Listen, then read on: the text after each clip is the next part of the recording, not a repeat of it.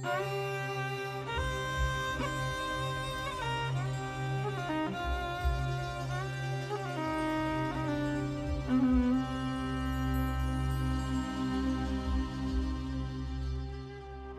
navn er Eivind Thorsen. Jeg tilhører den såkalte elder millennial-generasjonen, har kone og tre barn.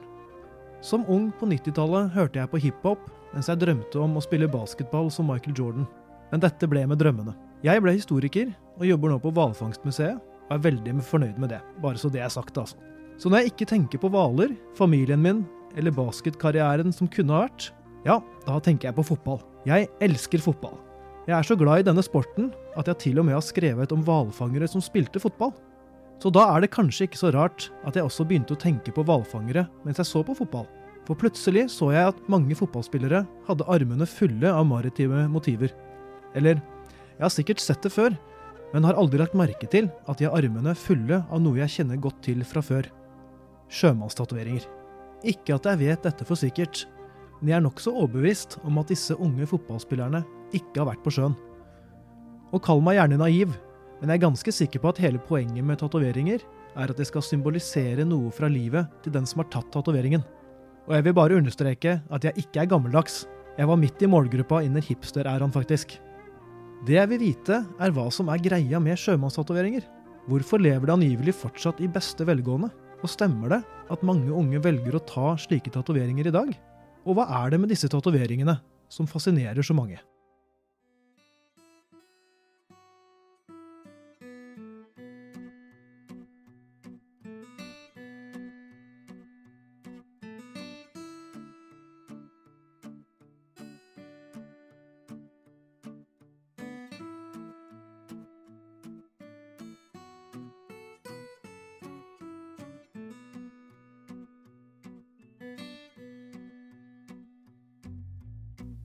I denne sesongen skal jeg snakke med flere eksperter på området. Vi skal snakke med flere tatovører. Så var det en sånn MC-klubb som kjørte der. Jeg var vel rundt 13 år. Og eh, de ville jo vite hvem som hadde tegna alt dette. Så da kom det en kamerat og henta meg og dro meg bort til disse folka.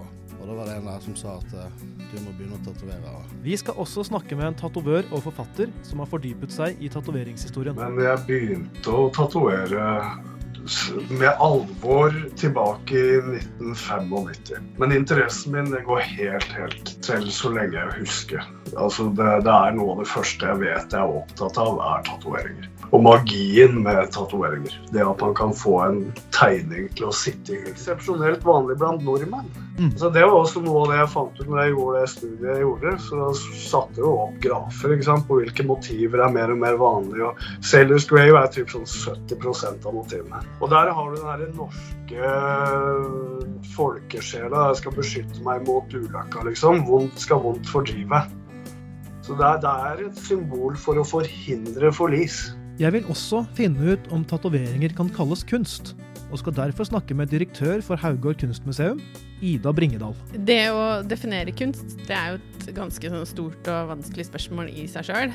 Fordi ikke minst med tanke på liksom kunsten som kommer fra de siste 100 årene omtrent. For det er så mange uttrykk og ideer som både forstås og omsettes som kunstverk. Og selvfølgelig, siden denne podkasten handler om tatoveringer og historie, så har jeg også tenkt til å snakke med en tatovert fotballspiller.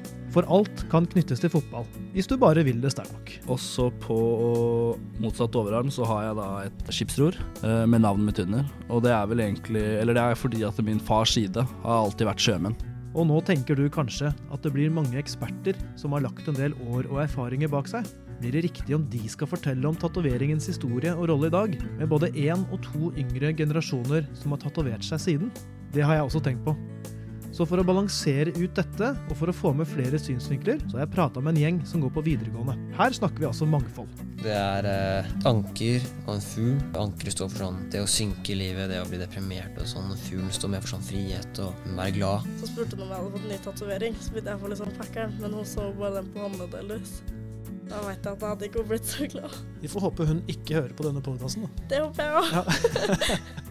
Det er mange som har bidratt til denne podkasten, og jeg har lyst til å rette en stor takk til eh, Tor Ola Svennevik, Arild Flatebø, Aksel Jare Mustaparta, Per Olaf Larsen, Lasse Ødegård, Tom Tøversen, Sander Moenfoss, Ida Bringedal og ikke minst Aron og Daniel og Lilly fra Sandefjord videregående skole. Denne podkasten hadde ikke vært mulig å lage uten dere. Podkasten er laget av meg, Eivind Thorsen, Peter Bøttinger, Jon Anders Øyerud Bjerva og produsent Susann Melleby.